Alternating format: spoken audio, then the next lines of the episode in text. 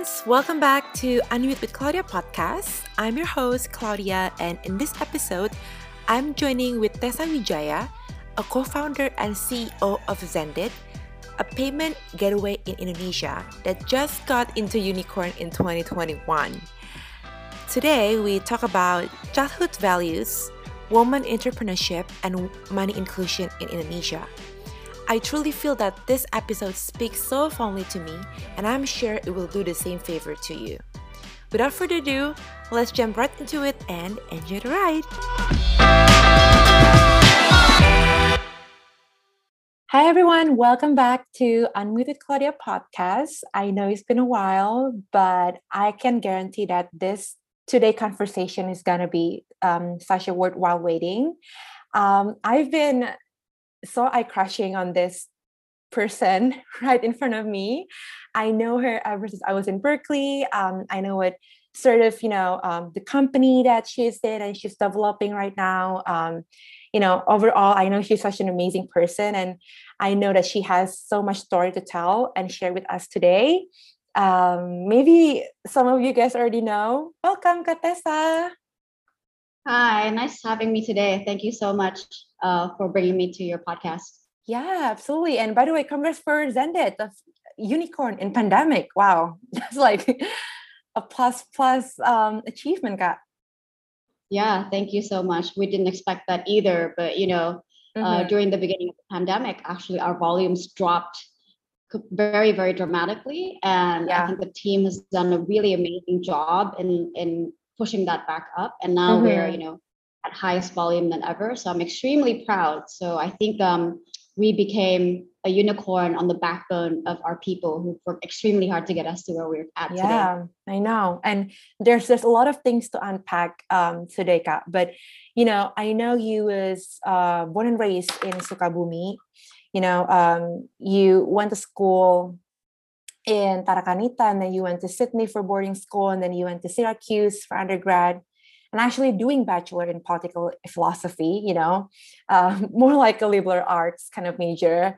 And um, i heard you mostly grew up with your dad um, so if we can talk back a little bit you know if we can talk back about childhood um, that kind of be a, like a long story but what i'm interested the most is like for you untuk bisa menjadi Tessa yang sekarang right um, there must be values um, that you carried on to this day gitu uh, either the childhood values or whatever values that inherited from your family or, or from your dad what are those things that you could share with us Kak?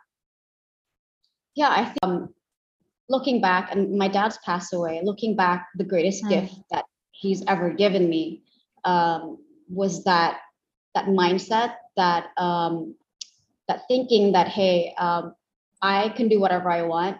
Mm. I can break the mold. And okay, um, so let me give you a really real example. When I was a kid, I was a bit of a tomboy. Um, I love playing with GI Joes. I wanted a BMX bike. My mom tried to put me into many, many tutus and ballet classes, and I just did not did not take that well. Uh, and, and, I think the way my father really empowered me was mm-hmm. he never said you have to do it. He said if you want GI Joes, I'll buy you GI Joes. Right. Uh, my mom tried to give me tons and tons of Barbies, and I was like, well, I'm not super into that. I'm not super into being girly. And mm-hmm. he always said that's okay. If I wanted to cut my hair short like a boy, he said that's fine. Um, if I wanted, you know, to go out on my BMX bike, I didn't want a pink tasseled bike. Um, he said, let's get you a BMX. And I think the moral of that is is what he taught me, you know, and a lot of a lot of women, especially, we hear a lot mm-hmm. of no's a lot of girls, a lot of women. Sure. Um, we're told this is your role, this is what you should be. Mm-hmm. Um, the gift that he gave me was he said, you don't have to be like everybody else. You can do whatever it is you want. And I think you'd be really, really good at it. So it's okay. Um, I think i will always be thankful for that. Wow. Yeah. And, and I could, I could really see that the values as part of who you are right now, you know, building this startup and be, being in this aggressive and very competitive one. But what interesting is um, you finishing up from Syracuse, right? And you got into investment industry right away, or what's like what's the connection there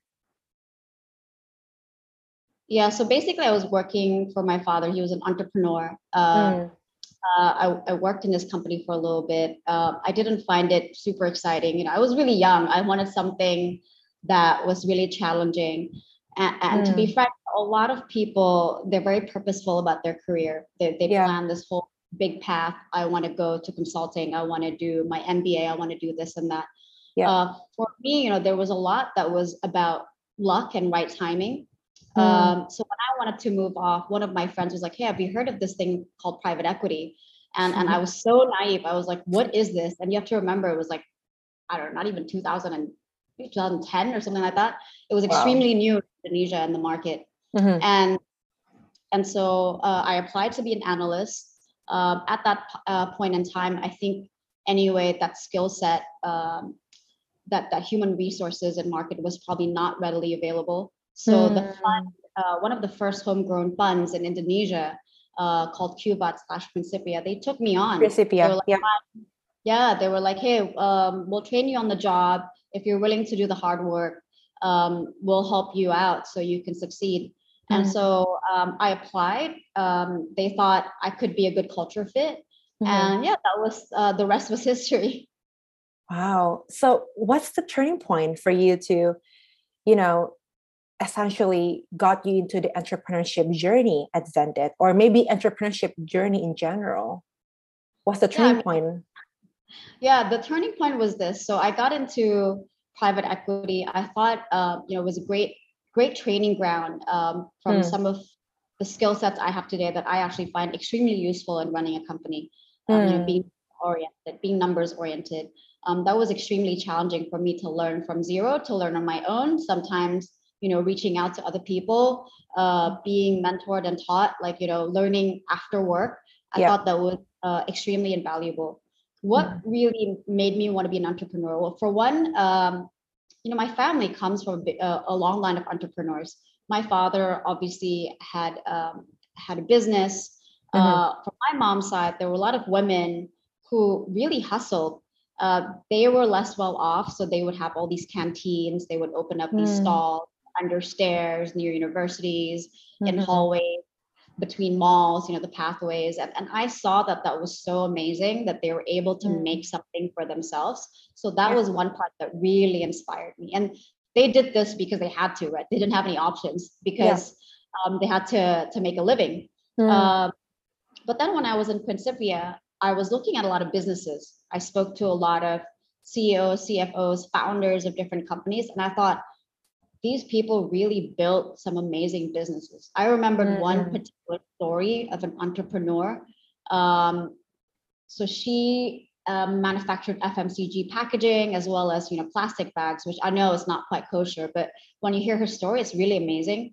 Yeah, uh, she said her dad started out uh, sebagai pemulung Jadi dia wow. yang ngambil kardus-kardus gitu in in all these like um just in the landfills mm-hmm. and recycled them and he built this to a company into a big factory and I thought crazy that was amazing I want to yeah. something like that I want to build something from from the ground up I mm-hmm. want to mm-hmm. have fulfillment and really looking at and talking to all these founders and entrepreneurs was the reason why I thought maybe it's time for me to take the plunge as well Hmm. Like it's time for you to take the leap of faith into this entrepreneurship journey. Yeah. But yeah. Mm-hmm. But the, the entrepreneurship journey is very much tough and challenging in every aspect of the way. Like in order for you to be sustainable, um, be on this journey and actually excel in this journey, like you need some sort of like a passion or this journey needs to you know lead by a why right so you know obviously Xendit has been on like what 20 2015 right that's about a time yeah. where i heard about Xendit in berkeley so what keeps you going like I, am sure that you you felt along the way um, you stumbled along the way you question yourself and values but what what keeps you going in this in this journey yeah, totally. I mean, that's really, really interesting question. Sometimes I also wonder maybe from my perspective, am I going to be able to scale? Am I going to be able to continue to lead the company? That's a really real yeah. question I, I ask myself basically every year, right? I have this crisis. Um, but what keeps me at it? Look, I think people today, it's 2022, payments are a lot more seamless. You can do everything on an app. You have to you have to really turn back time, uh, go on a time capsule. 2015, these things barely existed. Gojek mm-hmm. just had an app. GoPay was almost there. But for the yeah. most part, um, going shopping online was a little bit tougher. Making mm-hmm. payments online was was tough as heck, right? You can't do face recognition. It's like carrying yeah. like tokens everywhere. It was very yeah. frictionful, difficult. Mm-hmm. Um, so for me, it was that mission of being able to make an impact um, mm. and being able to make an impact to a lot of people, you know, in, in a scalable manner. That was really what was exciting to me to build something that doesn't serve just one or two people, but mm-hmm. to build mm-hmm. something that serves millions of people. We, we process more than, I think, 150 million transactions a year. So imagine wow. how many people touch with that. Uh, mm-hmm. Uh, I'm, I'm so baffled that that's the case. And you know, as a startup that's growing really fast, every year, basically every six months to a year, we turn ourselves into a new company. So that mm-hmm. really is what keeps me going. Is um, hey, we're reinventing ourselves. We're continuing uh, to grow as well, right? As individuals. Um, I started out with never managing anybody, never running operations, to now, you know, running operations in a regional company uh, that's already in two markets. So I think I think that keeps me going, and also the impact that we make. Um, that's now going to be able to to expand out to people in other markets, not just Indonesia. I think it's super duper awesome. Wow, crazy! I want to be like you. Some one day, one day. Everybody can. Yeah, I think I think that's what you have to think about in your mind is like, yeah, with a lot of hard work, um, a um, little bit of luck, a little bit of good timing. Mm-hmm. I think, yeah, we can all succeed. Hundred percent. I mean, you've done so much in life, yeah. Um, especially recently, gitu. Ada nggak sih uh, moment in your life where you stumbled or you failed hard. And that experience make you realize who you are as a person you know or you know essentially you gain your self-awareness gitu um, how did you find yourself back again back then? Like the confidence in this essence yeah so i mean i've had loads of moments where i failed in, in a lot of things and and you know a lot of people when they see stories of founders uh, building these big companies becoming unicorns they don't realize that for most of them, this isn't their first foray into business, right? Um, a lot of us have dabbled in it before. One of my biggest failures mm-hmm. was um, before I even started in private equity, I wanted to open up the small cafe. um, I called it I called it Food Criminal, and the slogan Whoa. was "Food so good at its crime. It was really good, was really fun. Um, that was my first foray into entrepreneurship. It was really like it was a tiny hole. I think there were only like not even like not, not even 15 seats. And, wow. and it was great. I did I did everything on my own. My aunt, who had opened up a food stall before, helped me out. Mm-hmm. Um, and and the the the concept was great, but the execution was so poor. Um, we basically had to close down within within six months. So that was a a real test of of being an entrepreneur. Um, there are a few reasons why it failed. I think, yeah, um, we tell ourselves, or um, now at Xendit, we say uh, solve for the customer first or build for the customer 1st mm-hmm. I did not. I had this great concept. Uh, I wanted to uh, kind of have, you know, bring bring a little bit of the Western world to Indonesia with like these like sandwiches, like meatball sandwiches, whatever. I didn't yeah. spend enough time on the product. I just sort of thought if we can make something that's like this, people will just like it. Um, mm. So I did mm. that. That was really big learning. Um, I understand that yeah yeah yeah so so i think um that was a real first point of failure as as an entrepreneur that got me realizing that you know um yeah if you want to start something you have to have your priorities right and first things mm-hmm. first you have to build for the customer you have to care about your customer and you have to mm-hmm. constantly evolve your product so that the customers are happy that's definitely number one mm.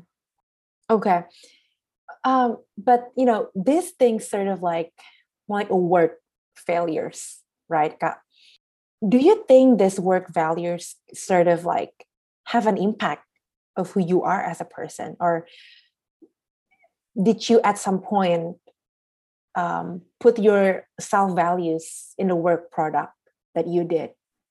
Because that happened a lot especially you know in a young, younger generation when they're just about enter the market enter their first job you know they're they're trying to be so personal and thinking about misalnya kayak feedback dari manager atau dari boss dari partner they associate that feedbacks to their values i think it definitely impacts it i, be, I mean um, the story about food criminal it's a little bit different mm. uh, failing at work versus failing at being an entrepreneur uh, entrepreneurship is a, a, very personal journey right it's it's mm-hmm. um, there's no one who's going to tell you what to do. You just have to do it yourself. It's a very lonely yeah. journey, but it teaches you a lot. So I think definitely those types of experience shape who you are. And you know, most of our waking hours we spend at work. So I think to say that things at work don't impact you, um, that's probably you know, for most people a lie, right? Uh, and yeah. it's okay. It's okay for it to impact you and to shape who you are, mm-hmm. um, both as a professional and a person. Um, yeah. So yeah, I think I think take the feedback well think of it as growth in your professional career mm-hmm. um, it doesn't reflect everything that you are right you have a lot, you're a lot of other things as well but you know if you have a really good manager who can help you grow why not why not take the feedback and really grow from sure that? sure yeah okay now uh, let's talk about Xendit you know um, and money inclusion in Indonesia kalau kita ngomongin Xendit right? You guys develop a digital payment infrastructure. Um, and I myself, I major in econ. So, you know, this topic very intrigued me. I personally see so much potentials within the business model of Xendit. And let's talk about the business model of Xendit sendiri gitu ya Kak. Uh, your, your company aims to hire more, more women gitu. And it is a payment gateway. What do you think um, how do you think Xendit will be sustainable going along the journey and going forward? I think um, Xendit, we're we're a B two B player, so not a lot of people know us. Um, we've but kind you of guys, been. You guys, you guys used to be P two P, right? Yeah, that was a long, long time ago. Yeah, uh, we dabble in consumer space, but really, uh, right now our DNA is very much uh, a B two B company. Um, how do we sustain Xendit? I mean, as with other companies, I think I think you have to continuously expand on your product lines, or um, you're gonna die, right? We're we're we're now at an age where innovation can really happen in an instant. There's so many tools out there for people to to be creating new products all the time, right? It's not as it's not as hard as the old days. Um, mm-hmm. We have a, an investor who once told us, I think he worked for Microsoft and he was a PM in the 90s. And he said that in order to to kind of release a version of whatever it is that they're making, it sometimes takes one to two years. For us, iteration is so much quicker now, right? You can, yeah. You can iterate in two weeks and that's it. Um, the product gets a little bit better. So the tools are out. Um, so what that means is it's easier for people to really expand out to, to other things and what this means for a company like Xendit is we have to remain on our toes. We have to think of what's next, right? Whether for us, that's the first strategy of regionalization or, mm. or hmm. building more value added services or focus on SMEs. Those are like our three pillars of strategy. Yeah. But we have to continue to do that in order to be sustainable. So we can't just be about payments. We have to be about payments and then other products. What next? Hmm. Sure. But um, if we talk about the future of digital payment gitu, what what do you think kak? Kira-kira uh, butuh berapa lama lagi for Indonesia to let's say mungkin secanggih mungkin kalau negara Cina terlalu too too far ahead lah, cuman kayak negara Philippines or Thailand gitu, like China, like the GDP is two times of the digital payment, no kak? So what what do you think? I think Indonesia. Um, so so I think Indonesia is a very complex space. Uh, I think payments are still extremely fragmented. We don't know who the winners are going to be yet, right? The banks are, are still very much in the game. Then there are all these new players like e-wallet players who, you know, who are wanting to serve um, people who may not be banked, right, or underbanked. And then there are even retail outlets, players who are still playing this game. Um, obviously, on the card side, credit cards, we're probably going to look a little bit like China, where we skip cards altogether for these mm-hmm. what we call APMs or alternative payment methods. Yeah. But I think at the end of the day, we don't know who the winners are yet in Indonesia. We don't know um, what kinds of payments are going to be the most popular, and and there are a lot of challenges in getting there. Number one, yeah, a lot of people are still unbanked. Um, mm-hmm. we are a country of more than 17,000 islands. um, and, and a lot of people who are unbanked are still living hand to mouth. So, you know, if you're earning something like 100 ribu per hari, yeah. gimana mau mau masukin duitnya ke bank atau ke e-wallet? Dan kalau misalkan maupun sarananya gimana, right? If you're like in some hmm. di perosokan, gak usah jauh-jauh where I come from, uh, in Sukabumi, um, if you go a little bit outside of that, outside of town, it's still very hard, right? It's a mountainous area, some parts yeah. of it. Uh, kalau mau making digital payments aja mau ke mana? Paling bisanya ke Alfamart. Mm-hmm. And uh, these folks maybe cannot even pay for a smartphone.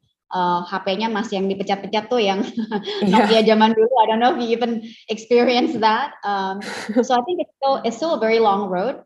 Is it possible? Yes, I think it's possible if everybody in the ecosystem kind of work together. Mm. Um, I think right now one of the bigger problems is that we don't want to work with one another. As in the consumer payment players, of course they want to attract people to their own ecosystem so they mm-hmm. don't want, want, to exclude other ecosystems to take um, to take part as well. And that that's tough. That's tough for the consumer. Well can payment look as good as in china or in the us wherever else? Definitely definitely. I think we have the right ingredients. We have a lot mm-hmm. of startups uh, di Indonesia itu startupnya tuh nggak ya banyak gak banget. main mm-hmm. so, and and the way um, we we have a very entrepreneur mi- mindset i think. That's which is a little bit different than other markets, right? Other countries in Southeast Asia. I think a lot of us are used to navigating ambiguity. A lot of us want to do something different. Uh, you know, if you think of like the most creative entrepreneurs, it's those guys uh, on a bike yang jualan kopi teh pakai saset bawa termos dikit. I'm like, that is a great entrepreneurial spirit, right? Um, mm-hmm. So potential is there. Um, I think it's just um, looking at who's going to win.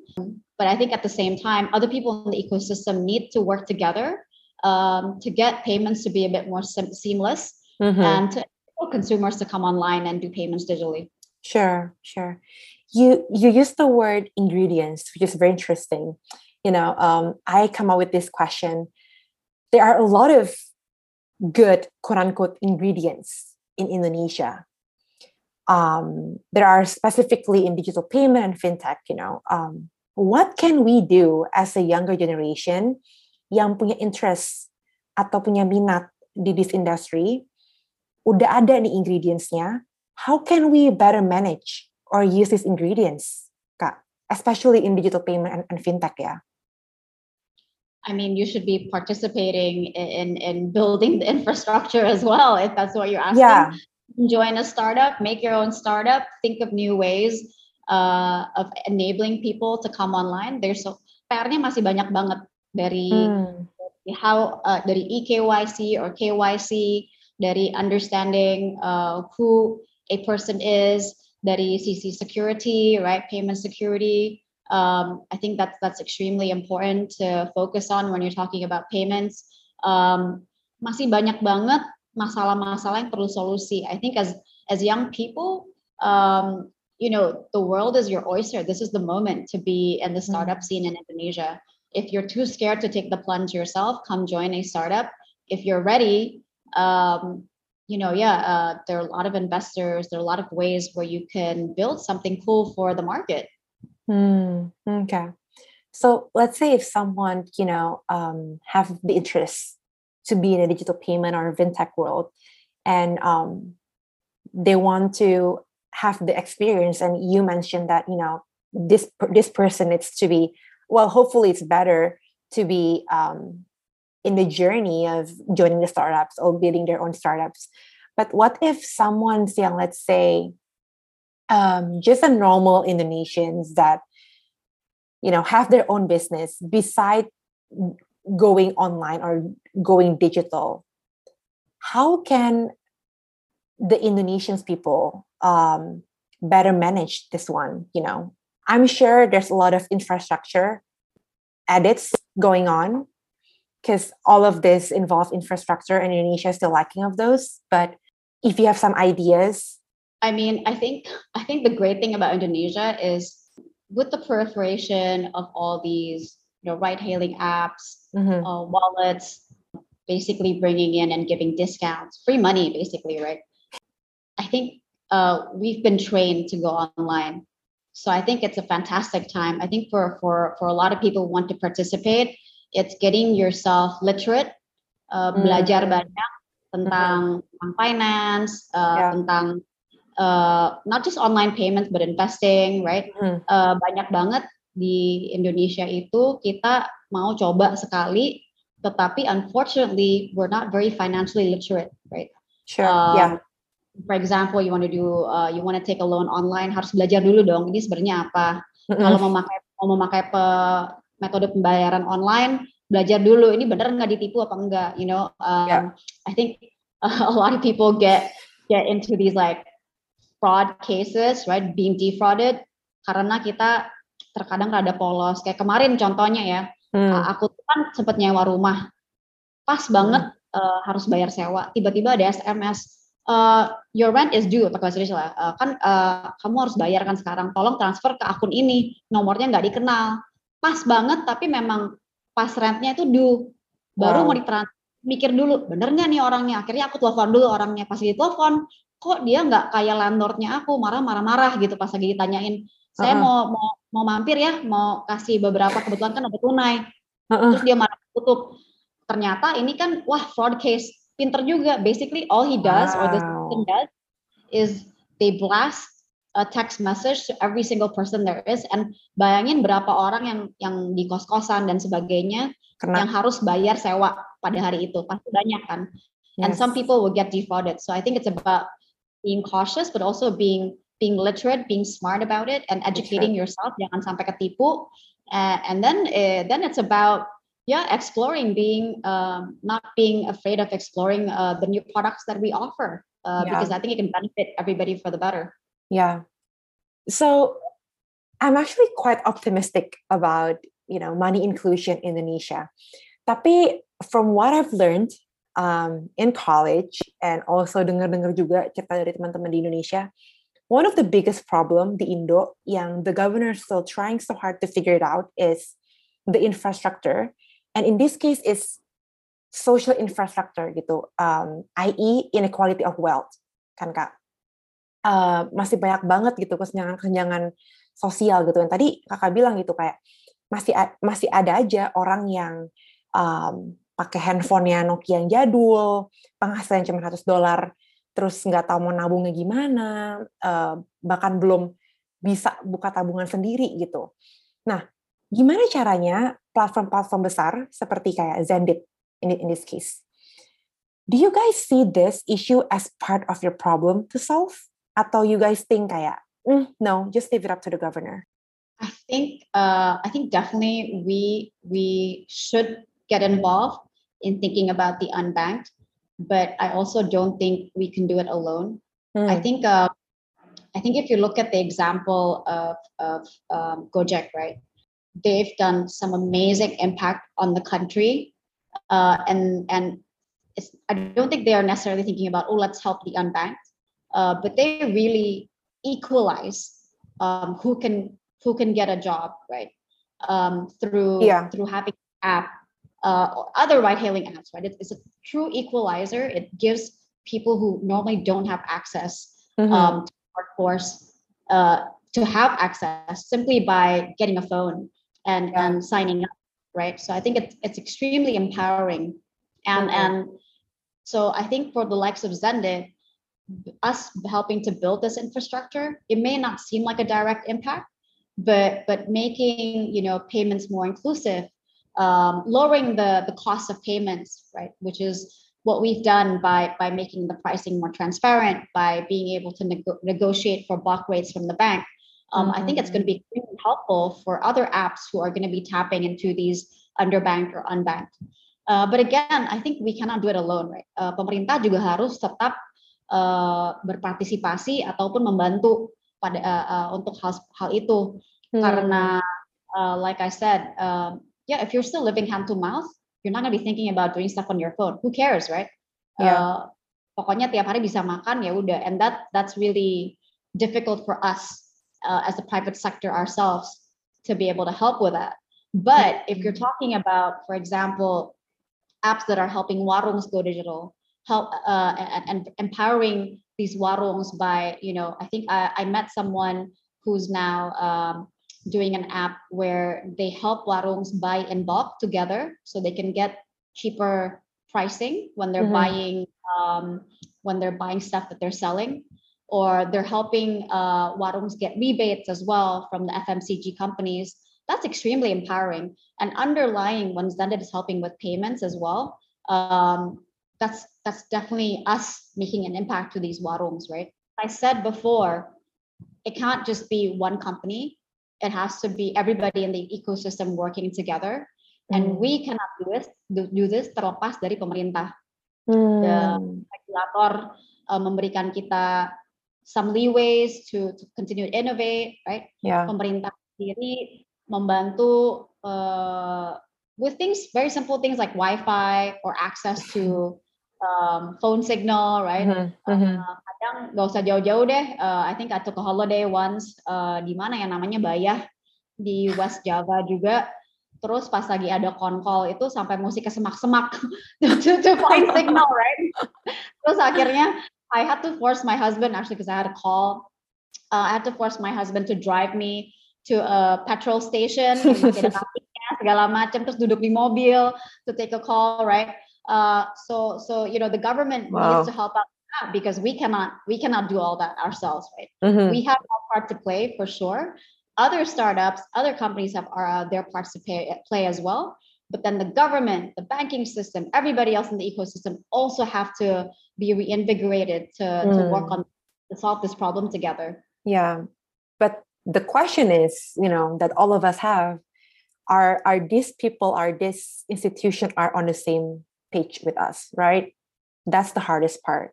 Definitely. I think um, I think everyone probably has different aims. There are many competing interests. Yeah. Um, so that's why, as I said, I think there's still a lot of opportunities, right? When mm. when um, when things are hard, I think that's where you know someone has the opportunity to make something easier. Um, yeah. So I think I think um, we all have that part to play, mm-hmm. and I think this is why I think it'll still be a few years yet until we can see in Indonesia payments becoming more simple. Until you know you can experience like when I go to America, uh, mau belanja gampang banget ya. bahaya malah bahaya. Uh, like you can you don't even have to input so many things. Suddenly you click pay and you're like, oh udah udah nyampe barangnya. Yeah. Um, in order to to do that, uh, uh, to to reach that stage, I think uh, is going to be a long long road. And and you know if if we get to that stage by the way the people who benefit from it it's not just us the payment player it's mm. the sellers as well the smes who want to sell online because they get more customers right because and yeah. they get more revenue because payments is easy but i think yeah in indonesia mungkin masih 5-10 tahun lagi kali ya hmm okay okay so you think um 10-15 tahun lagi Indonesia baru bisa sedikit cashless kayak China Oh, totally. I mean, okay. um, if you're looking at, so recently after two years, mm-hmm. uh, finally arrived back in Singapore, right? Udah lama banget. Uh, even a place like Singapore, developed world, so to speak. Yeah. Dulu kamu ke hawker center, nggak mungkin kan bayar pakai kartu kredit ataupun QR code or whatever else, nggak mungkin mm-hmm. kan? Cash, yeah. Now, uh, with COVID, COVID's really accelerated um, this digital transformation. even a place like Singapore, developed world, dulu masih cash based dua tahun yang lalu baru sekarang karena covid now you go to a hawker center most people don't want to pay in cash. One part is because they're scared of uh, you know getting transmission yeah. Exactly uh, uh, so they don't want to pay in cash. And now kalau punya kartu kredit bisa bayar pakai GrabPay atau bisa scan QR code. Wow. uh, and it's just now that that's happening and and because companies like like um, like Grab who are regional um, has enabled you know me someone from indonesia putting in my indonesian credit cards and then being able to pay in singapore in a cashless way mm-hmm. uh, you know startups startups are making this huge impact in that way and and and really moving everyone to a cashless society um, so my point in highlighting this is even for a place like singapore that's developed it's taking a while so if you can imagine in mm. indonesia maybe, maybe it'll take just a little while longer uh, but i think the beauty of indonesia and indonesians is we're willing to try something once yeah um, so that's fantastic we love promotions. so I think all these startups giving like freebies, we're like, oh, coba sekali boleh nih. Uh, and, and, so I think I think all the ingredients are there. Like I said before, all the ingredients are there for us to become a cashless society. Hmm. Wow. We we talk quite a lot, Katessa, and you know, from from talking to you, like I get the sense that you never scared of beating on on yourself. Kalau dilihat ceritanya dari tadi uh, you you quit from your dad's company terus you know join PE without knowing what PE is um, then join into the entrepreneurship bandwagon and failed um, failed even before that you know uh, with your F&B industry and then F&B business and so on and so forth I see that you're never scared of beating on on yourself you know and I, and I see that you actually invest in yourself early on in your career. And that's like, I think, the most brilliant part of you as an entrepreneur, because you know, not a lot of entrepreneurs are first um, find themselves comfortable in bidding on themselves. They, they don't trust them, themselves enough. And second, they do not want to invest on, on themselves. Gitu. So I want to ask, what's like the message for women in Southeast Asia or maybe a message for me because I'm also part of them or Indonesia that um, want to be an entrepreneur gitu. Okay, what's the first step that they should take if if they want to be one based on your experience? Yeah, I, I think look, um, there's a lot of fear uh, apalagi if you want to start your own business memang itu amat sangat menakutkan. I think I think a lot of uh, uh, and my in my experience a lot of women hold on. Get kok, told no. Kok waktu itu kalau misalnya you know joining the entrepreneurship is very scary. Kok bisa berani banget ya joining back then? karena karena aku kalau penasaran, aku tuh orangnya. Uh, someone asked me once like to write up like who are you? Who are who is Tessa? Who who, who is Tessa that people want to know about?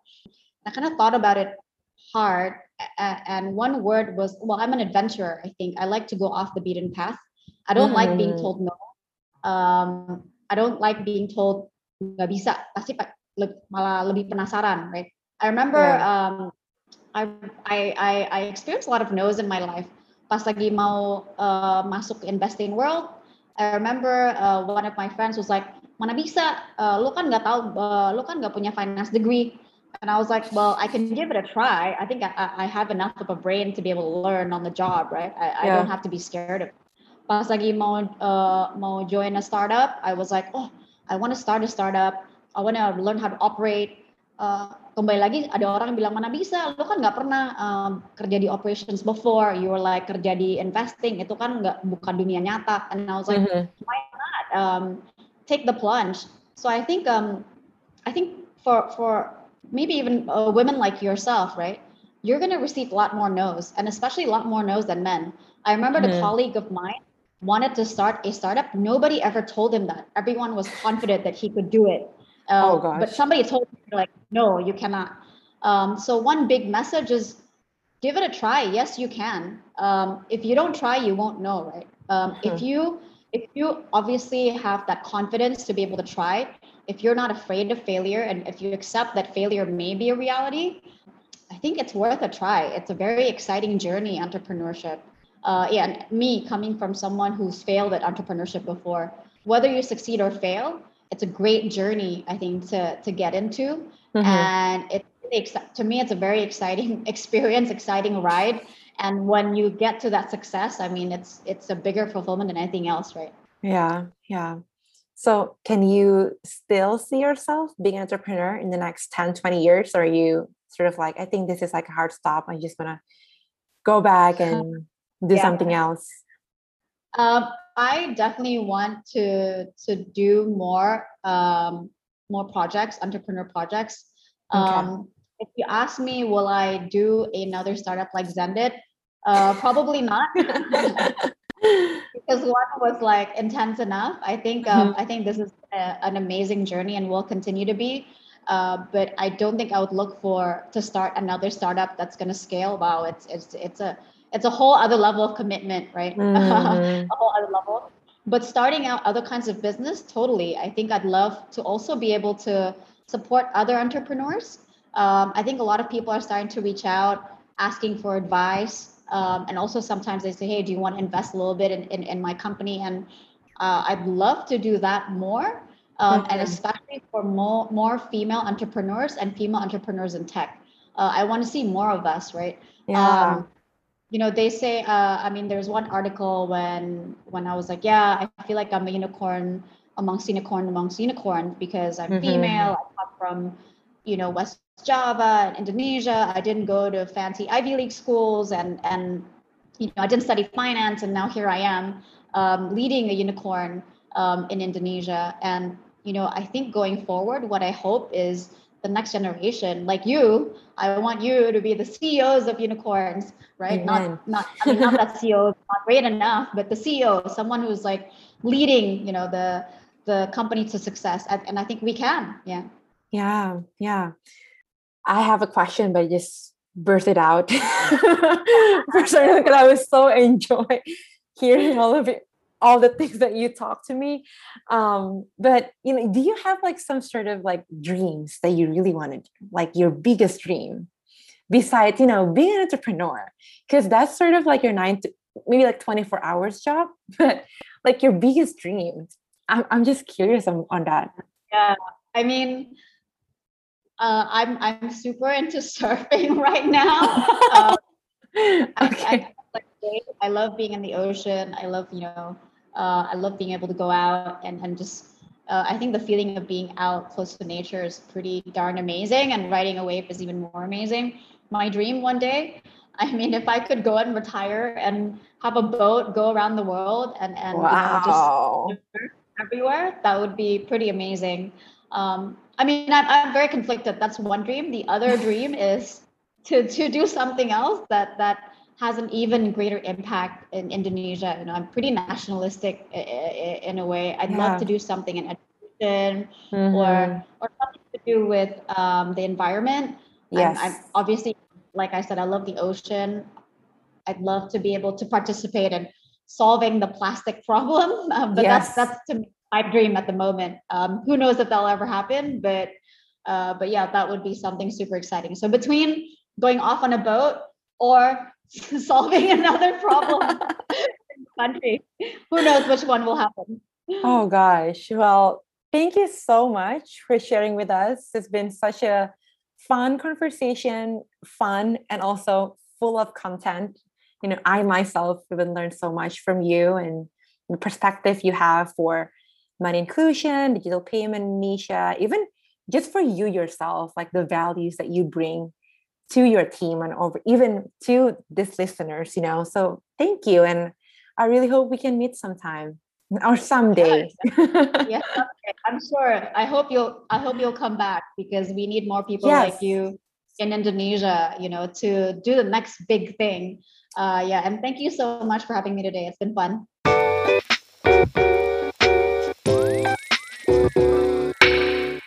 Thank you all for listening to this Unmute episode. Don't forget to follow this channel and share it with your friends too. And also, feel free to hit me up on Instagram at Claudia H. Johan. Unmute Podcast. Let the brain sparks begin. See you.